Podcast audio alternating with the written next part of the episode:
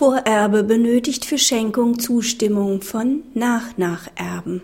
Damit eine unentgeltliche Verfügung des Vorerben wirksam wird, müssen sowohl der Nacherbe als auch der Nachnacherbe zustimmen.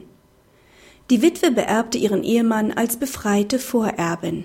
Der Erblasser war noch im Grundbuch als Eigentümer eines Grundstücks eingetragen.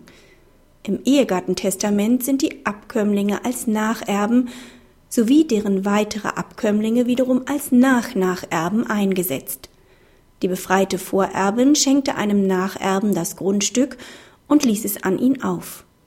Die Eigentumsumschreibung wurde beantragt und bewilligt, wobei die Nacherben allesamt hierzu einwilligten.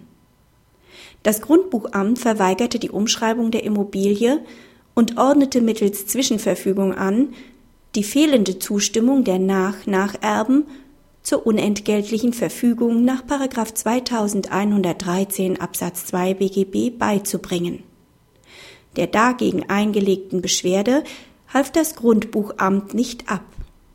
Das Oberlandesgericht versagt der daraufhin vorgelegten Beschwerde den Erfolg.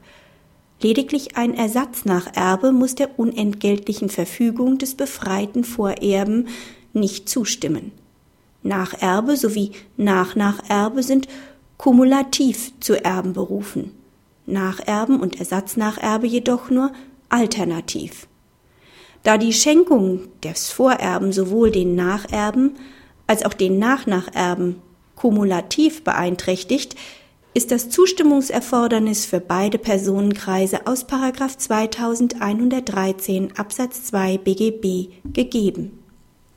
Praxishinweis in der Praxis gibt es häufig Schwierigkeiten, wenn der Vorerbe Schenkungen, insbesondere von Immobilien, vornimmt und unklar ist, wer aus dem Nacherbenkreis hierzu nach 2113 Absatz 2 BGB zustimmen muss, damit die Verfügungen wirksam sind.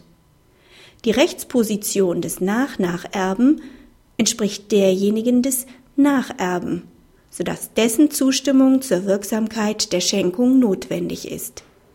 Der Zustimmung des Ersatznacherben bedarf es hierzu nicht.